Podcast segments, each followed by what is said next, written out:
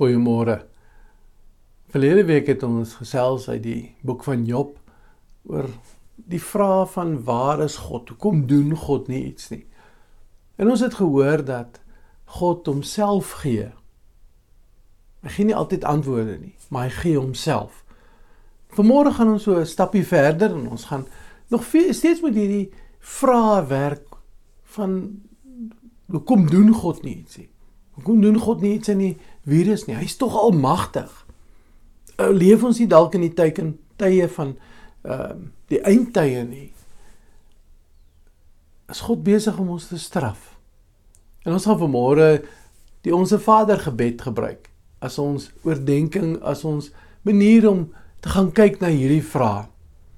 Maar voordat ons daarby kom, is baie lekker dat jy hier by my is. Dit's lekker dat jy in jou voorkamer hierdie tyd met my wil deel. En kom ons open met die woorde uit Psalm 105, vers 1 in die tweede deel van vers 3. En daar staan: Loof die Here, roep hom aan.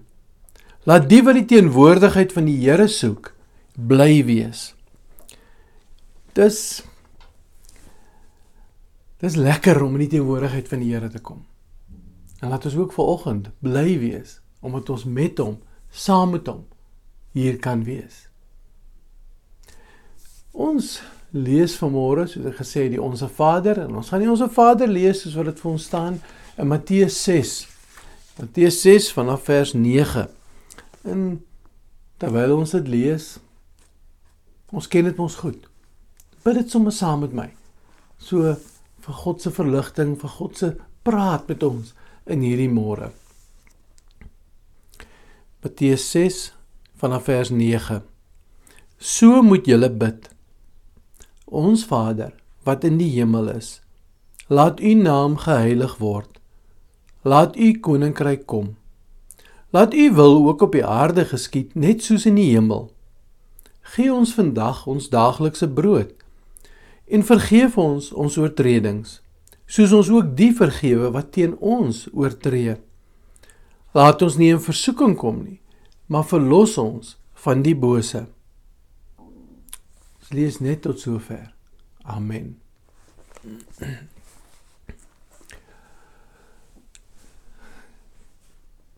die virus die chaos van ons land in die wêreld dalk dalk 'n teken van die eindtyd. Dalk 'n teken van God wat sê tot hier toe en nie verder nie. Interessant is dat Jesus het ook met hierdie vraag rondom die eindtyd te doen gekry.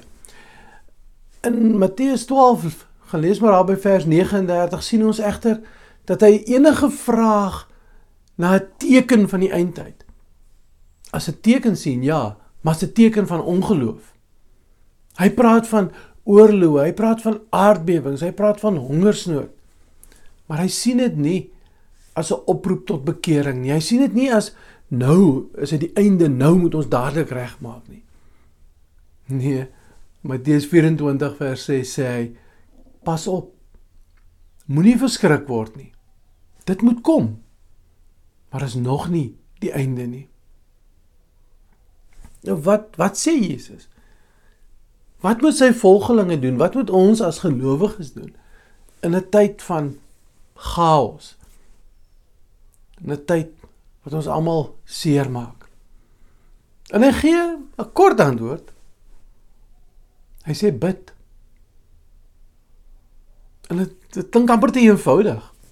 Maar dit is nie sommer so 'n gebed wat hy gee nie. Hy gee vir ons hierdie bekende onsse Vader wat ons nou net gelees het.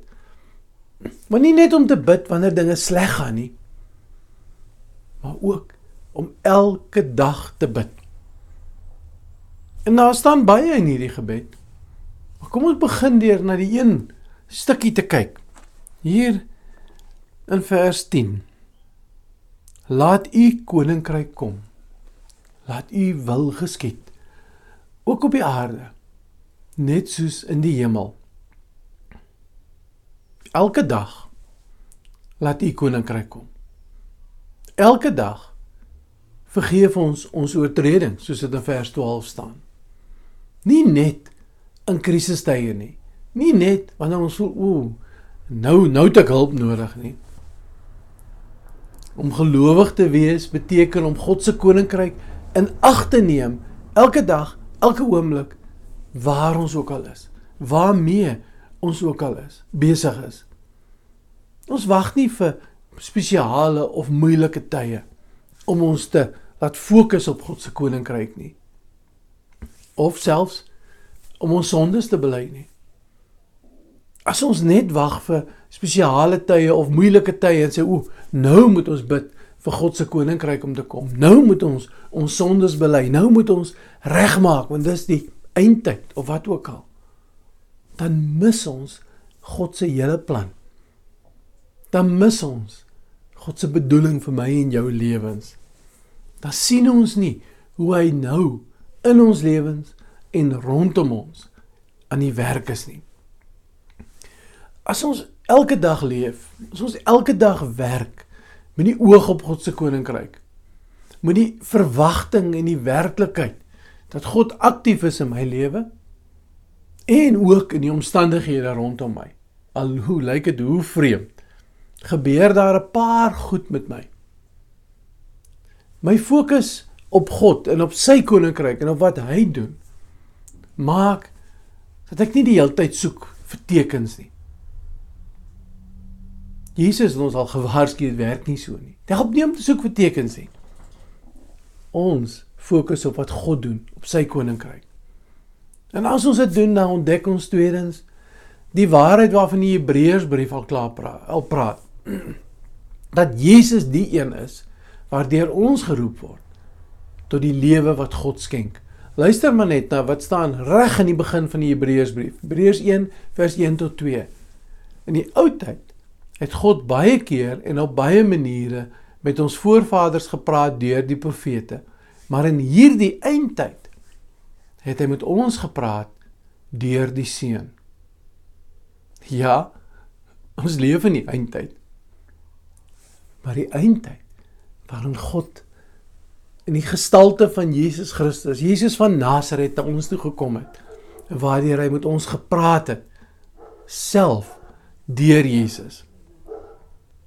En dit beteken dat ons elke dag sy genade moet soek. Sy sterwe, sy opstanding was 'n eenmalige oproep tot bekering vir ons almal vir alle tye. Ons hoef nie nou te soek vir spesiale gebeure, spesiale eindtyd gebeure om dit vir ons na vore te bring. En as ons elke dag so leef met die oog op God se koninkryk, dan leef ons uit die aard van die saak met die bewussyn dat hy almagtig is.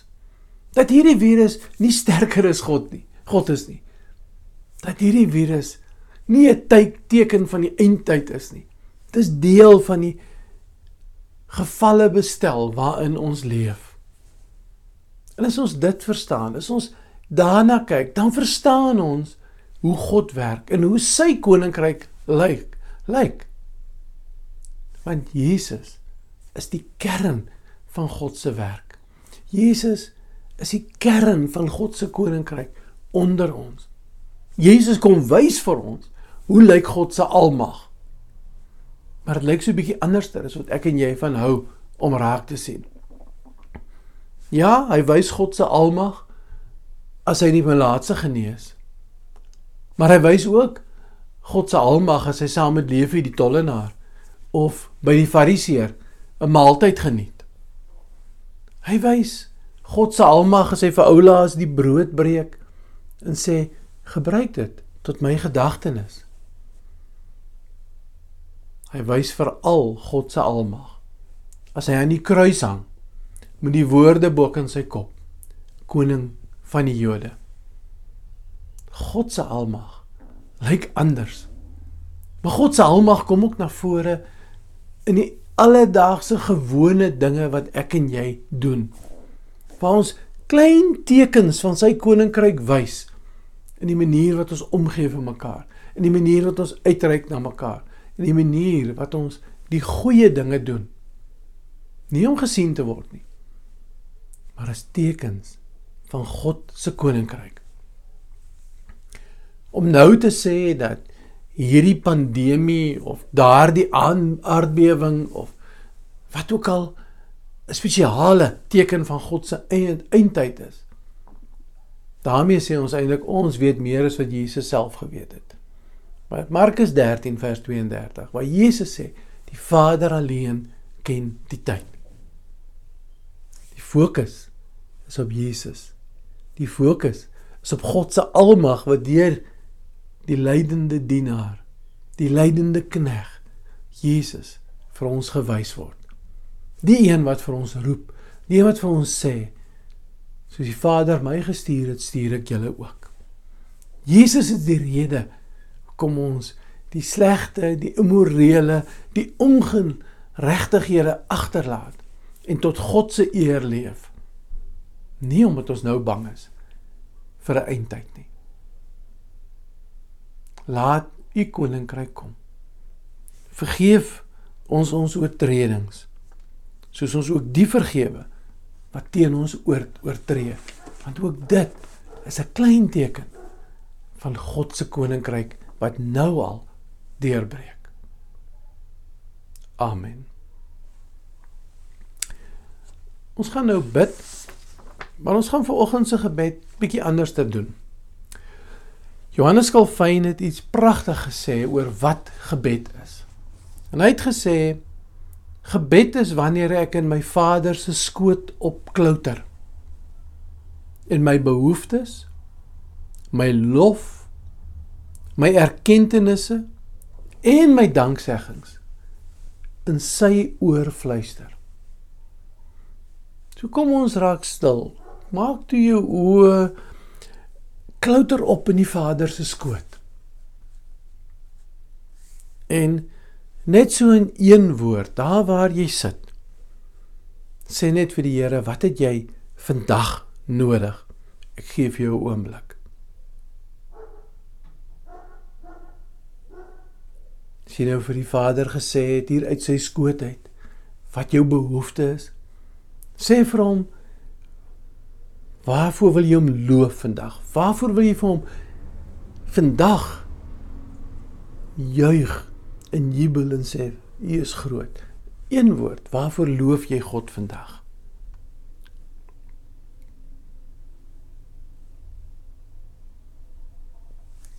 En laastens, waarvoor wil jy vir oggend God erken vir iets wat in jou lewe gedoen is? Waarvoor wil jy vir hom dankie sê vir iets wat hierdie week met jou gebeur het? Oomblik van stilte. Sê vir God dankie vir sy ingrype, sy koninkryk wat in jou lewe gekom het hierdie week.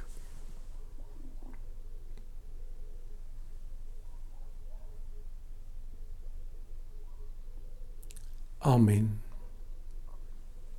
Ek stuur julle weg vanmôre met die woorde van die eerste vers van die vonklied 238. En dit is 'n gebed vir die pad en ook sommer 'n seën. Bewaar my o God. Ek vertrou op U. U wys my die pad na die lewe. U is vreugde. Vreugde in oorvloed. Gaan met hierdie genade en liefde van God en sy vreugde in hierdie week. Amen. Dankie dat jy vir my hierdie tyd met my gedeel het en dat jy my toegelaat het daar in jou huis, in jou voorkamer. Mag God werklik met jou wees vandag en hierdie week. Seën